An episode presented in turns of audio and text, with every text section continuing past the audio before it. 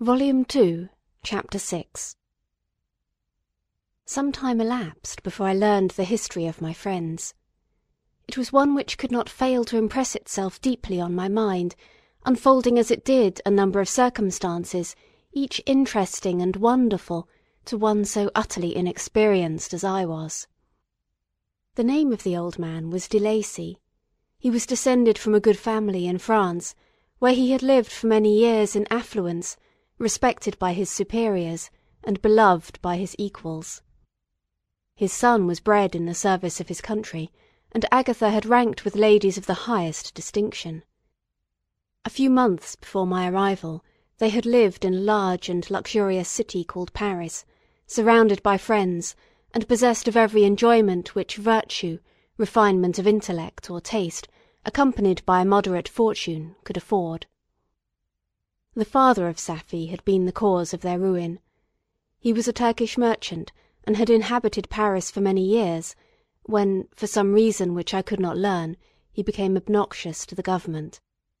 He was seized and cast into prison the very day that Safie arrived from Constantinople to join him. He was tried and condemned to death. The injustice of his sentence was very flagrant, all Paris was indignant, and it was judged that his religion and wealth, rather than the crime alleged against him, had been the cause of his condemnation. Felix had been present at the trial. His horror and indignation were uncontrollable when he heard the decision of the court. He made, at that moment, a solemn vow to deliver him, and then looked around for the means. After many fruitless attempts to gain admittance to the prison, he found a strongly grated window in an unguarded part of the building, which lighted the dungeon of the unfortunate Mahometan, who, loaded with chains, waited in despair the execution of the barbarous sentence. Felix visited the grate at night, and made known to the prisoner his intentions in his favour. The Turk, amazed and delighted, endeavoured to kindle the zeal of his deliverer by promises of reward and wealth.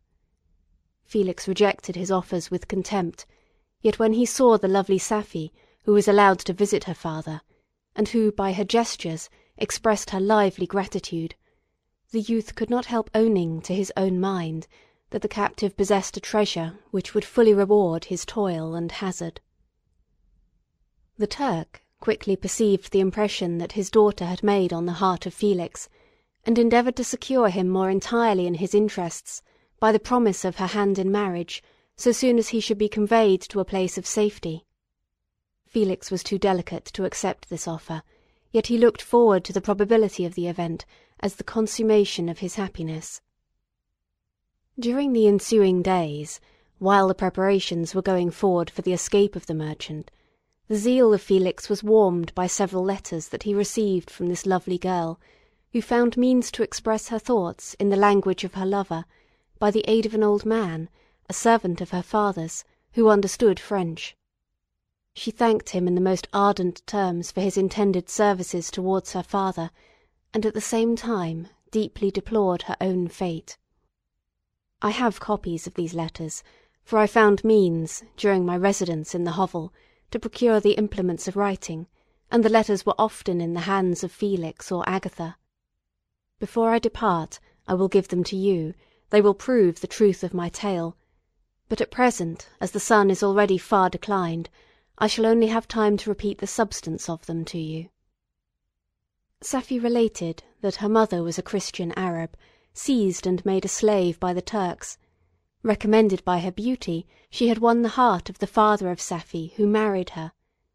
The young girl spoke in high and enthusiastic terms of her mother, who, born in freedom, spurned the bondage to which she was now reduced.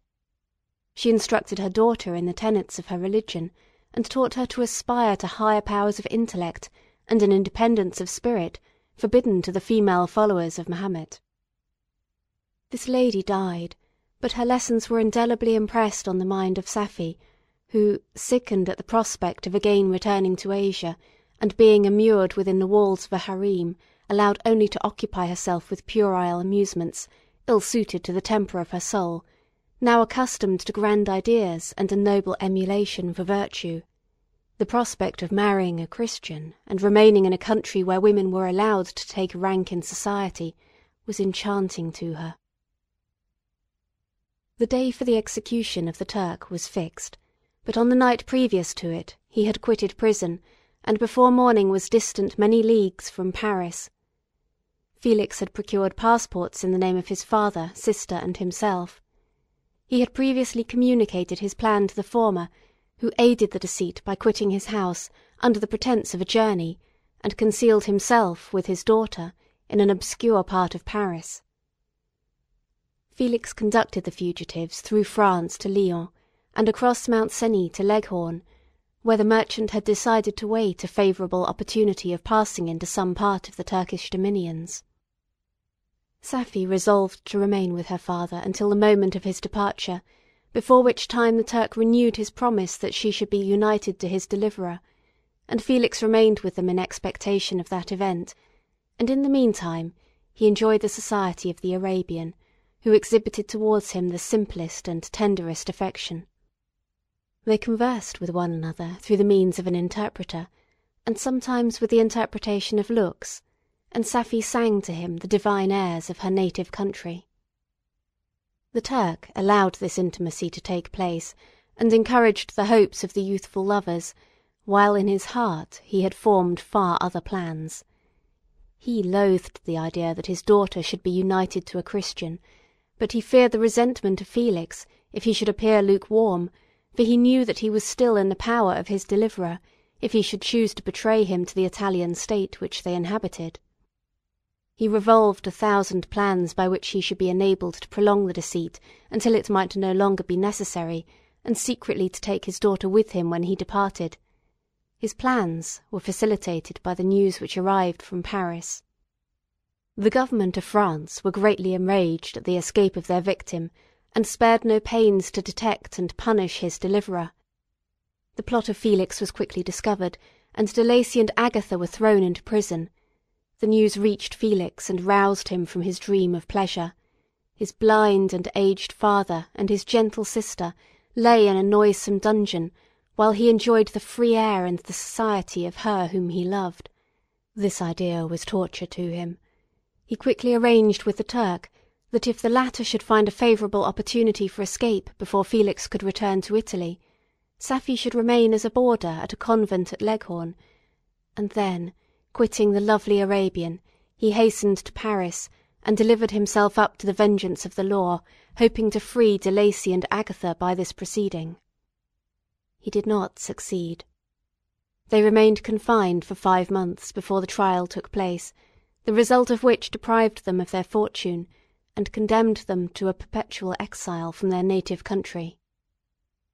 They found a miserable asylum in the cottage in Germany where I discovered them.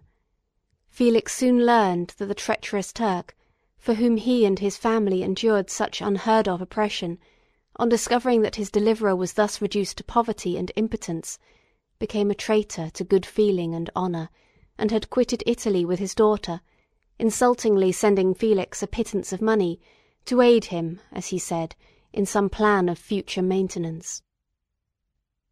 Such were the events that preyed on the heart of Felix, and rendered him, when I first saw him, the most miserable of his family.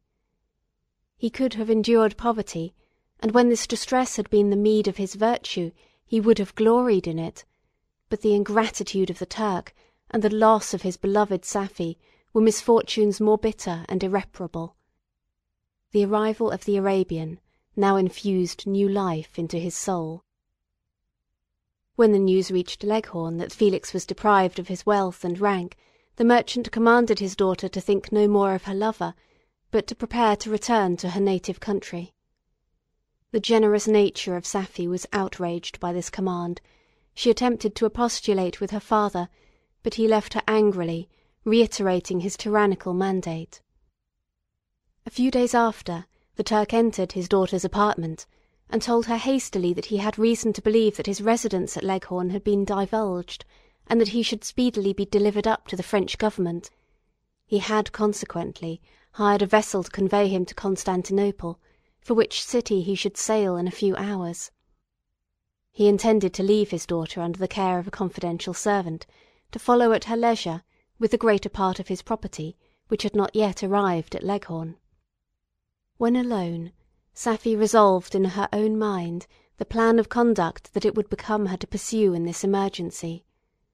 A residence in Turkey was abhorrent to her; her religion and her feelings were alike adverse to it. By some papers of her father, which fell into her hands, she heard of the exile of her lover, and learnt the name of the spot where he then resided. She hesitated some time, but at length she formed her determination. Taking with her some jewels that belonged to her, and a sum of money, she quitted Italy with an attendant, a native of Leghorn, but who understood the common language of Turkey, and departed for Germany. She arrived in safety at a town about twenty leagues from the cottage of De Lacy, when her attendant fell dangerously ill. Safie nursed her with the most devoted affection, but the poor girl died, and the Arabian was left alone, unacquainted with the language of the country, and utterly ignorant of the customs of the world. She fell, however, into good hands. The Italian had mentioned the name of the spot for which they were bound, and, after her death, the woman of the house in which they had lived took care that Safie should arrive in safety at the cottage of her lover.